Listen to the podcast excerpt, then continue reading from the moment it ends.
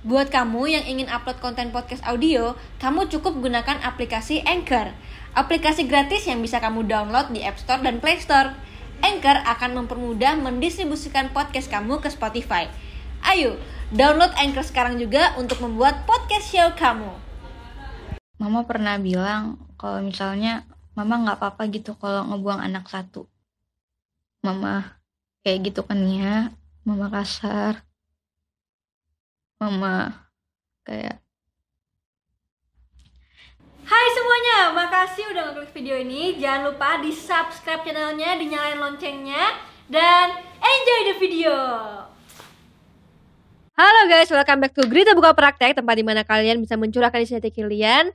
Dan semoga dengan video kami, kalian bisa mendapatkan dampak positif dari setiap videonya.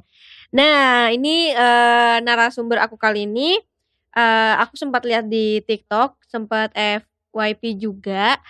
Ada Mbak Fania yang uh, udah berapa lama bikin TikTok? Udah sekitar satu tahun sih kak. Satu tahun. Iya. Dan kemarin sempat viral tentang uh, broken home ya. Iya. Jadi uh, boleh nggak sih diceritain kenapa sih akhirnya kamu memilih untuk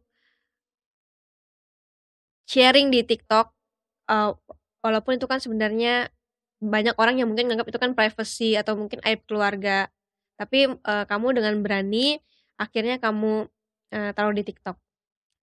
Um, sebenarnya itu aku ingin sharing juga ke semuanya. Kalau misalnya ada juga loh yang ceritanya tuh kayak gini, mm. kayak yang kalian lihat lurus-lurus aja, itu tuh sebenarnya tuh nggak kayak gitu juga dan kayak aku pribadi udah yang di titik udah nggak kuat aja gitu kak buat nahan itu semua semuanya jadi aku mutusin untuk aku show off aja di TikTok jadi mungkin uh, kalau aku boleh ambil kesimpulan mungkin menurut kamu dengan taruh di TikTok mengurangi sedikit beban yang ada di hati ya yeah. oke okay. Tapi mungkin Fania boleh cerita dari uh, kecil katanya sudah mendapatkan perlakuan kurang enak dari orang tua, dari mamah khususnya. Iya. Jadi um, dari kecil itu kan memang mama sama papa aku sudah bercerai ya kak. Mm -mm. Dari aku umur sekitar satu tahun. Dan dari situ aku tinggalnya pun um, apa ya Pindah-pindah? Iya kak, pindah-pindah. Sebentar di mama, sebentar di papa. Mm -hmm. Dan ya memang dari antara mama maupun papa aku yang sedikit temperamen itu mama kak. Mm -hmm. Gitu. Jadi dari aku kecil pun sebenarnya mama aku tuh baik. Ya pada sama seperti ibu pada umumnya. Cuman aku nggak mau bilang mama aku salah juga ya cuman mungkin emang itu cara mama aku untuk mendidik aku seperti itu. Tapi caranya tuh agak beda dari yang lain gitu kak. Seperti itu. Mungkin bisa disebutkan dari kecil uh, contohnya ah. bagaimana mama mendidik kamu dengan caranya? Iya kak. Jadi waktu pas dari kecil tuh emang mama tuh keras ya kayak dan udah seperti itu dari pas aku SMP pun ada uh, ketika aku melakukan hal-hal kecil yang mungkin menurut orang itu pun kayak hal sepele ya kayak ya. tapi menurut mama itu kayak hal yang besar sekali dan dibesar-besarkan oleh mama biasa seperti itu contohnya tuh kayak waktu itu aku pernah waktu ketika aku SMP aku uh, ada flash mob gitu ya kayak mm -mm. aku latihan dance gitu. Aku kebetulan aku kayak yang ngelatihnya aku izin sama mama. Aku kayak mah uh, Nia izin ya mau pulang telat nih soalnya ada latihan dance mau ngelatih. Terus ketika aku pulang tiba-tiba aja ya mama langsung ngebanting HP aku terus langsung ditampar gitu kak. Ya cuman karena aku ngelatih dance itu waktu ketika aku SMP soalnya kata mama kayak pakai jilbab kok joget joget-joget kayak gitu. Mama berpikiran seperti itu. Padahal aku di situ cuman yang sebagai ngelatihnya aja. Itu dan kalau contoh yang baru-baru ini pun aku juga sempat 2001 kemarin. Eh 2020 20 ya aku uh, sempat case-nya sama ditampar juga. Tapi itu karena hal sepele juga lagi kayak lagi-lagi itu karena cuman karena uban. Iya. Maksudnya gimana? jadi aku sama mama tuh disuruh untuk cari uban mama. Cabutin uban. Kita pas udah malam aku bilang gini kan ke mama uh, mah matanya sakit gitu. Terus mama aku kayak langsung temperamen gitu kak. Hmm. langsung kayak oh ya udah sana sana biar Novi aja. Udah udah sana lu tidur aja kata mama kayak gitu dan terus ya udah mbak aku akhirnya yang cariin uban mama abis itu mama langsung kayak ngediamin aku seharian kayak gitu-gitu dan ketika besok paginya aku mau minta maaf ke kamar mama mama langsung nampar aku aku nggak boleh deket-deket ke mama gitu Itu baru 2020 kemarin. Iya. Tapi kalau aku boleh tanya, dari kecil memang hampir eh, apa ya intens sekali mama kasar sama kamu. sebenarnya waktu aku kecil ya kak itu nggak yang sekasar itu sih kak seingat aku dan waktu kecil itu kan aku terlalu sering apa ya pindah-pindah ke Mm-mm. mama atau ke papa dan ketika aku dapat kesempatan untuk tinggal bareng sama mama lagi Mm. ketika aku ditarik sama mama lagi itu aku langsung sama mama dimasukin ke pesantren jadi waktu kecil nggak sempet kayak yang ngerasain sama mama banget gitu kak Oke. Terus akhirnya tinggal sama mama setelah SMP. iya SMP kelas 2 SMP mulai tinggal yang hampir tiga tahun gitu. Sama mama. Iya. Dan keluarga barunya ya katanya. iya Mama sudah nikah lagi. iya dan papaku juga sudah nikah lagi juga Oke. Kalau boleh jelaskan lagi nih, hmm, waktu SMP yang buat kamu kayak mungkin ngerasa kenapa ya kok gue sebagai anak diginiin harusnya mungkin gue nggak dididik kayak gini ada em, jadi kan keluarga barunya mama aku punya adik tiri juga itu ya Mm-mm. kayak Hmm. seumuran juga sama aku. Eh, mama tuh kalau misalnya lagi kesel sama adik aku ini nggak pernah marah ke dia marahnya ke aku. Oke. Ya pokoknya aku selalu jadi yang pelampiasan mama marah sih. Aku mungkin agak ngewajarin ya karena di situ posisinya kan aku anak pertama ya kayak Mm-mm. mungkin mama kayak mau ngedidik aku kayak ngebanin semua gitu ke aku cuman orang kalau misalnya liatnya tuh malah jadi aku yang dikira anak tirinya mama karena kayak gitu Oke, Mbak Fania berarti kan eh, sudah diperlakukan kurang baik sama mama semenjak kecil. Ya. Semenjak SMP awal ya, iya keluar dari pesantren. iya Eh, kalau boleh tahu puncaknya apa sih Mbak waktu itu yang mungkin sampai membuat Mbak trauma dan eh, ketika ada sesuatu Mbak jadi inget-inget yang dulu lagi. Eh, waktu itu sih sempat waktu pas aku SMA kak itu eh, posisinya aku kan lagi mau ada pelantikan organisasi gitu Mm-mm. terus aku izin sama mama itu posisinya juga aku udah baikan sama mama ya kak Mm. aku udah mulai tinggal lagi sama mama mama kayak bilang mama bakal belajar untuk jadi ibu yang lebih baik lagi dan aku juga bilang ke mama kalau aku iya mama maafin aku aku juga akan belajar untuk jadi anak yang lebih baik lagi Sebelumnya kamu diusir mama. iya waktu itu Waktu kapan? waktu pas 2018 Diusir terus kamu tinggal di mana? aku sama papa ikut Oh, papa sama papa. Terus Iya. kemudian mama tarik lagi. iya seperti itu Oke. Em, pas itu aku pelantikan organisasi. Hmm. terus mama kayak mulai suportif gitu kak. Hmm. kayak oh ya udah nggak apa-apa sana nih ya gitu. Nanti mama kirimin konsumsinya ya gini-gini. Hmm. terus ya udah aku bilang iya mah nggak apa-apa gitu. Ketika hari haknya udah mulai aku pelantikan mama mulai seperti kayak temperamennya mulai ada lagi mulai seperti itu lagi kak. Mulai kayak ke mana aja lo? Kok belum pulang-pulang. Udah jam berapa ini? Padahal aku udah kasih rundown acaranya juga ke mama kan. Ini mah nanti selesainya jam empat gitu. Tapi mama dari jam 3 dari jam 2 tuh kayak buruan pulang gitu-gitu. Ketika aku sampai rumah mama langsung ngapain sih ikut organisasi? Orang yang ikut organisasi itu orang yang mau mau caper sama Hmm. gurunya orang yang nggak ada kerjaan di rumah. Lo kan di rumah ngurusin gue ngurusin adik-adik lo. Ngapain ikut-ikut organisasi di situ aku langsung kayak bener-bener down banget ya kak. Karena mama dari yang tadinya suportif banget langsung jadi bikin aku down. Sampai akhirnya waktu itu aku melakukan hal yang sebenarnya nggak mau aku lakuin.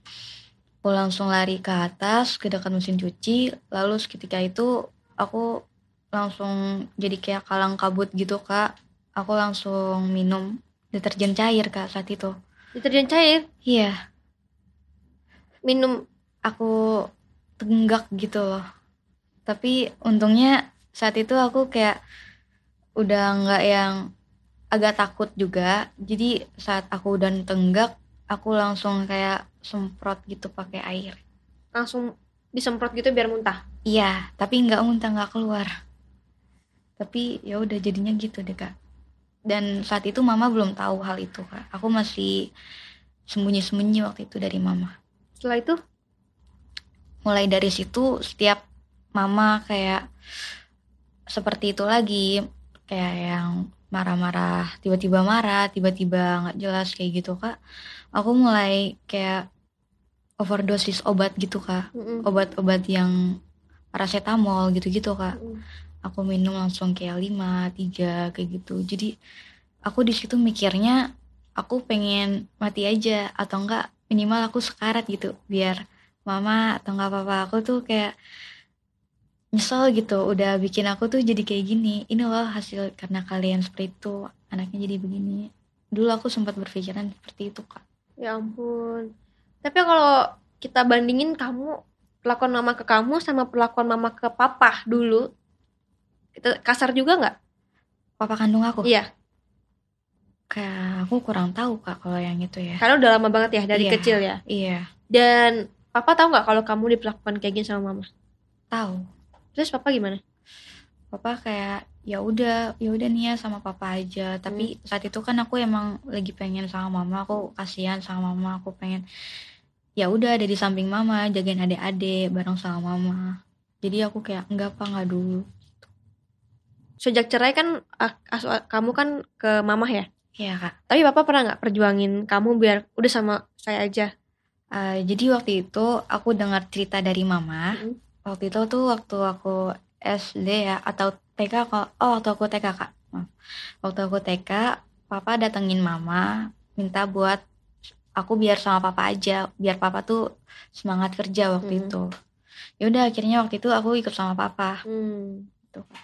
Terus tapi masuk ke pesantren? kalau yang itu belum Belum. masih sama papa tinggal biasa sampai aku kelas 4 SD tiba-tiba ada temennya mama Mm. jemput aku di sekolah terus bilang katanya mama sakit Mm. akhirnya ya udah aku kayak eh, izin dari sekolah waktu SD aku langsung ke tempatnya mama dan mama nanya ke aku Nia mau tinggal sama mama atau sama papa Mm. kalau tinggal sama mama mama masukin pesantren tapi kalau mau tinggal sama papa ya udah sana Mm.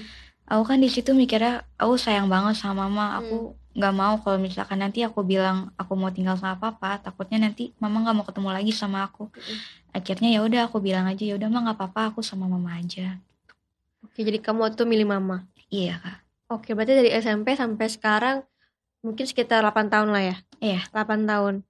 Eh perlakuan yang paling nggak enak dari mama yang paling kamu inget?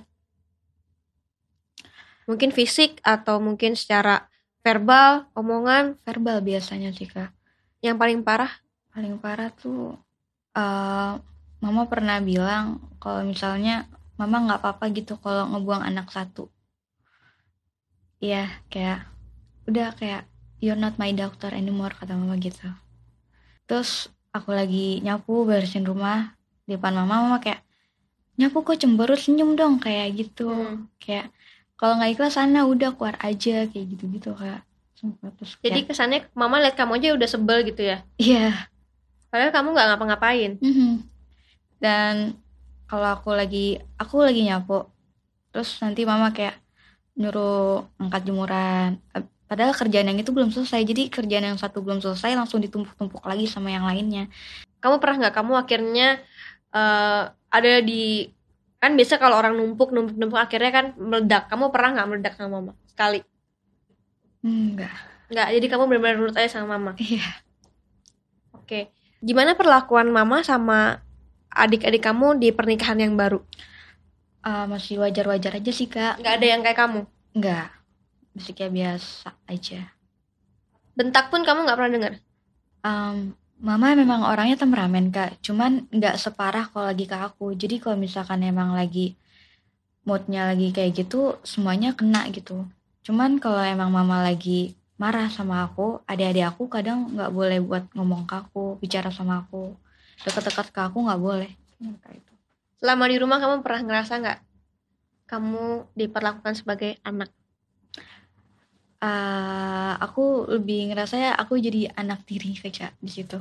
pernah ngomong nggak ke mama soal ini Pernah, tapi mama kayak bilang, enggak kok kalau anak tiri nggak mungkin mama kayak kasih eh, apa pin ATM mama, nggak mungkin mama kayak beliin ini itu gitu sih Kak.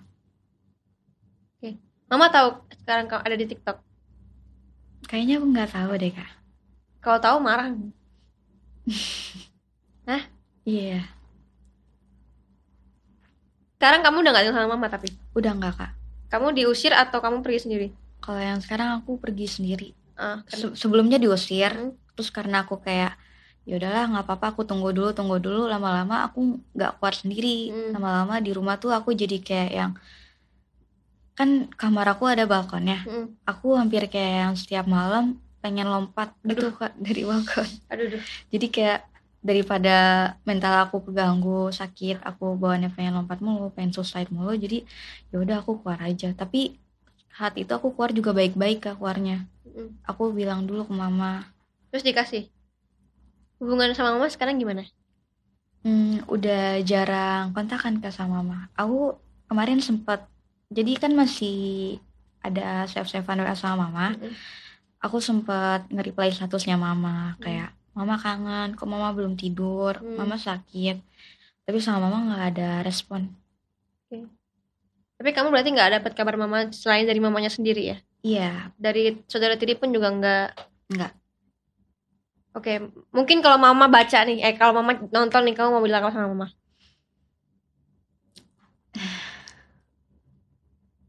mah. Em, maafin ya mah. Nia dia minta maaf. Dia nggak bisa jadi kebangga kebanggaannya mama. Dia nggak bisa jadi seperti anak yang mama mau. Tapi ini bakal tunjukin kok ke mama kalau suatu saat nanti ini akan sukses dia sayang sama mama. Tapi gimana ya? Dia sayang banget sama mama. Dari dulu walaupun mama kayak gitu kan ya mama kasar mama kayak mama kasar mama kayak berkelakuan seperti itu Nia nggak apa ya Nia nggak benci kok sama mama. Nia tetap sayang sama mama. Nia tetap mau mama baik-baik aja.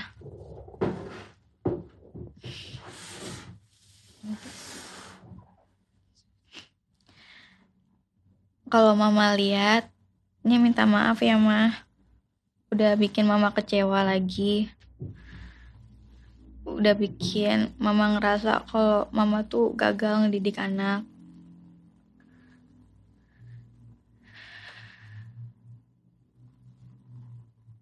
tadi kan kamu memendam sendiri akhirnya mencoba hal-hal yang tidak diinginkan. Tapi pernah nggak sih kamu sharing ke sahabat atau ke atau kamu pernah nggak mencoba untuk meminta pertolongan?